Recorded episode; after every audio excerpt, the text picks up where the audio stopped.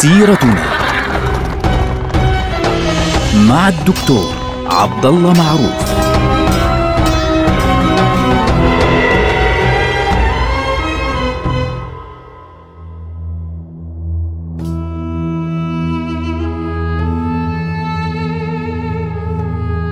السلام عليكم ورحمة الله وبركاته. سيرتنا سيرة هذه الأمة العظيمة ونحن الآن في عهد السلطان العثماني سليم الأول.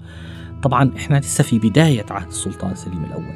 السلطان سليم ارتقى عرش السلطنة في فترة صعبة جدا وبطريقة صعبة جدا لأنه ما كانش المفروض أنه هو يستلم الحكم. هذا الرجل حكم ثمان سنوات من عام 1512 حتى عام 1520 للميلاد أي من عام 918 حتى عام 926 للهجرة طبعا السلطان سليم عندما استلم الحكم كان عمره كما تذكر بعض الروايات أربعين سنة تقريبا. لقبه المعروف فيه اليوم خاصة في أهل تركيا واللي ساكنين بتركيا بيعرفوه يوز سليم. يوز معناها الشديد أو القوي. ليه؟ لأنه قاسي قوي. يعني كانت الفترة التي تولى فيها الحكم تحتاج إلى رجل في منتهى القوة وفي منتهى الشدة. ليه؟ لأن هناك خطر كبير اسمه الدولة الصفوية كادت تدمر الدولة العثمانية من الداخل لأن هناك جماعات الجماعات التركمانية الشيعية. مش كل التركمان طبعا التركمان في منه كثير من السنة. لكن الجماعات التركمانية المتشيعة خاصة في ولاية كرمان كانت قد انضمت إلى الشاه عباس الصفوي الذي أسس الدولة الصفوية بالقوة وشيع إيران بالقوة وسيطر على العراق أيضا لتشييعه بالقوة في ذلك الوقت. السلطان ياو السليم عندما استلم الحكم كان الخطر الأساسي أمام عينيه هو الدولة الصفوية وبالتالي أراد أن يفرغ نفسه له تماما. فأول شيء قام به إرسال رسائل آه، صداقة إن صح التعبير وتفاهم وهدوء مع الدول الأوروبية.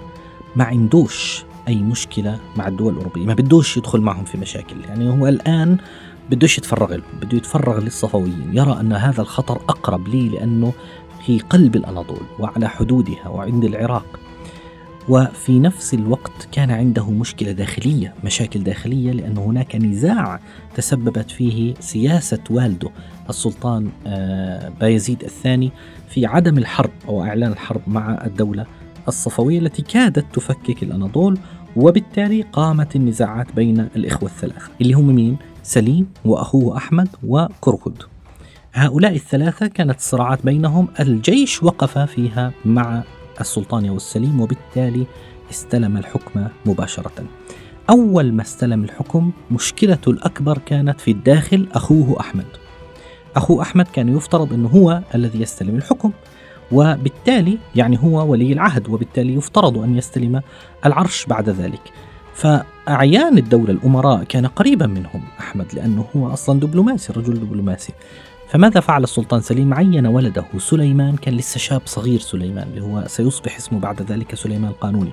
عينه أميرا على إسطنبول وخرج على رأس جيش كبير لكي يحارب أخاه أحمد وابن أخوه علاء الدين. يعني أحمد وابنه علاء الدين كانوا قد استولوا على مدينة بورصة وتواجه الاثنان فعليا مع السلطان سليم. طبعا مباشرة أول ما اقتتل الطرفان هزم أحمد. ففر باتجاه أنقرة. لم يتمكن من القبض عليه لأنه فر بعد ذلك إلى أماسيا ولحق به سليم هرب على ملاطيا راح وين مكان راح هرب حتى أنه أرسل ابنه مراد راح بعثه لتبريز عند الشاه إسماعيل الصفوي اللي هو أكبر خطر على الدولة. يعني تخيل السلطان يعني سليم كل الحركة اللي عملها كانت بسبب الدولة الصفوية.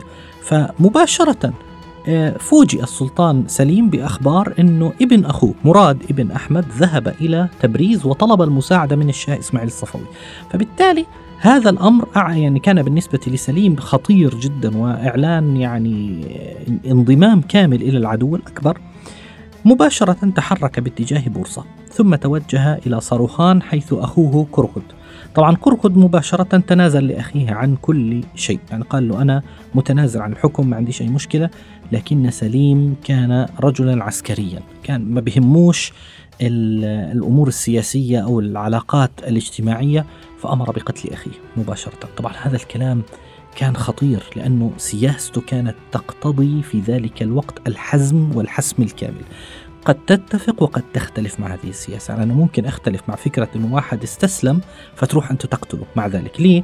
احتمال أنه ممكن أنه يعني بعد ذلك يحاول أن يغدر به. هكذا كان يظن سليم وبالتالي مباشرة كان يقتل. مباشرة كان يرى أنه القتل هو أسهل طريقة ليه؟ الرجل عسكري يا جماعة الخير. الرجل عسكري مباشرة يعني هو أقرب إلى الجيش من غيره. وبالتالي ممكن أنت أن تقبل أو لا تقبل هذه السياسة لكنه بالنهاية هذه سياسة سليم. سليم كان من شدة قسوته التي عرف بها في تلك المرحلة اللي هي الثمان سنوات التي حكم بها. كانت يعني كما تذكر الروايات الشعبية أنه إذا والله الأم تغضب على ابنها بتقول له روح إلهي ربنا يجعلك وزير عند السلطان سليم. ول ليه في حدا يعني هذه دعوة عليه؟ لأنه أغلب الوزراء الذين يعني استلموا الوزارات عند السلطان سليم. كل واحد منهم كان يخطئ خطأ كبيرا كان يقتل مباشرة. مش يعزل يقتل مباشرة رجل عسكري. هذه يعني قضية العسكر. العسكر عندهم يميلون دائما للحسم بالقتل. مباشرة أحمد رأى أنه مع أنه أخوه كرغد يعني تنازل وسلم كل شيء لأخوه سليم ومع ذلك قتل فجمع جيشا وقاتل سليم قرب مدينة ينشهير لكنه خسر واستسلم فقتل بعد ذلك. قتله آه، السلطان سليم وبالتالي انتهى من كل منافسة داخلية.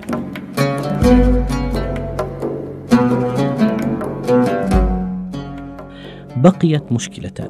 مشكلة الأمير مراد ابن أحمد وعلاء الدين اللي هو ابن أحمد كمان. يعني علاء الدين كما قلنا كان مع أبيه أحمد. وأما علاء الدين فقد فر باتجاه مصر إلى الملك الأشرف قنصو الغوري.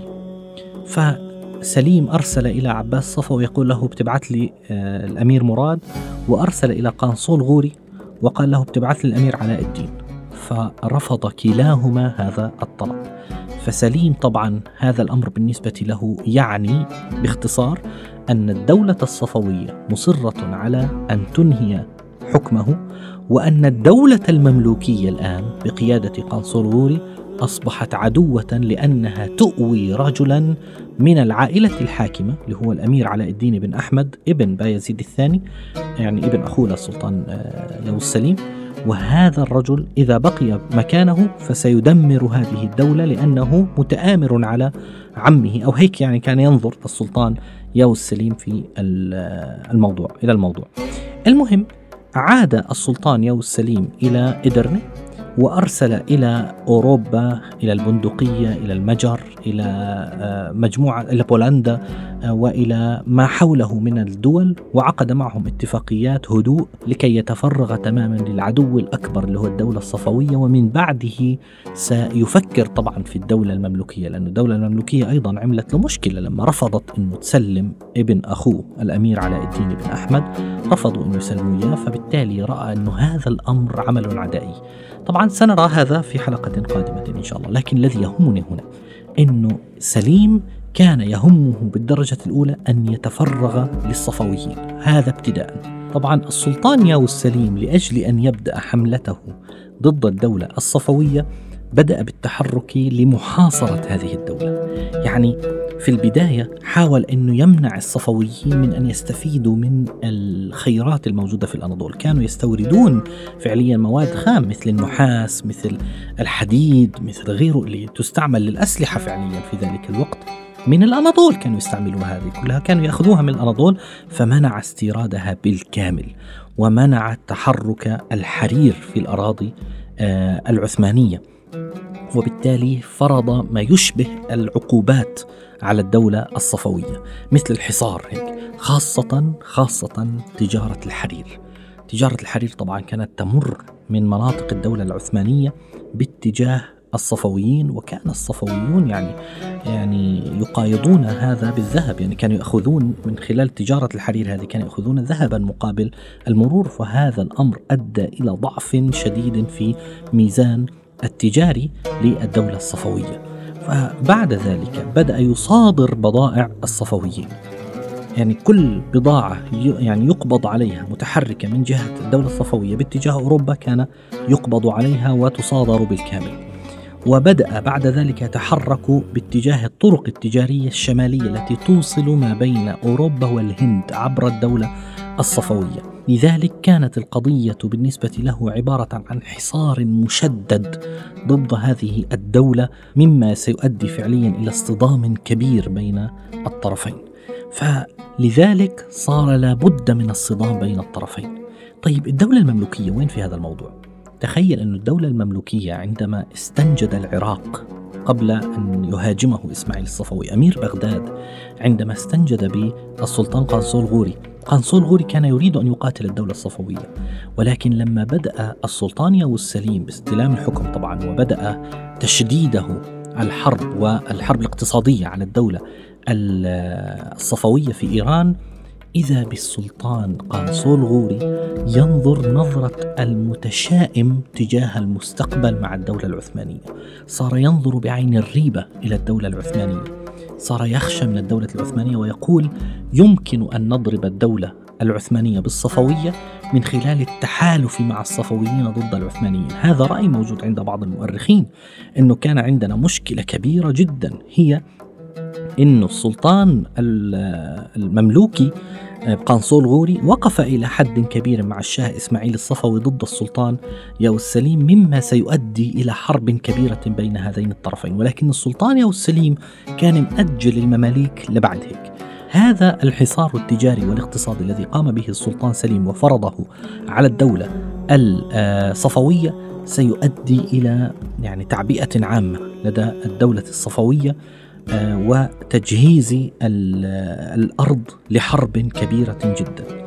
الذي أشعل هذه الحرب التي ستنتهي بمعركة كبيرة بين الطرفين بين الدولة الصفوية والدولة العثمانية كان إعلان الشاه عباس الصفوي الحرب على الدولة العثمانية في مقابل إعلان السلطان آه، ياو السليم الحرب على الدولة الصفوية واتهام كل طرف للآخر باضطهاد الطائفة التي يتبع لها الطرف الآخر.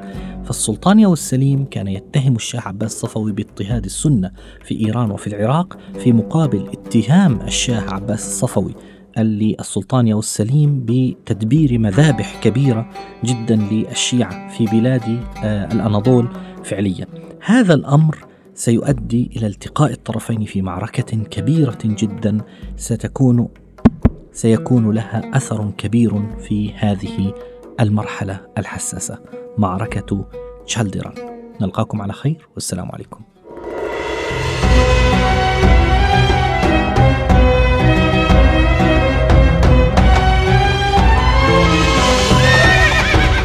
سيرتنا مع الدكتور عبد الله معروف.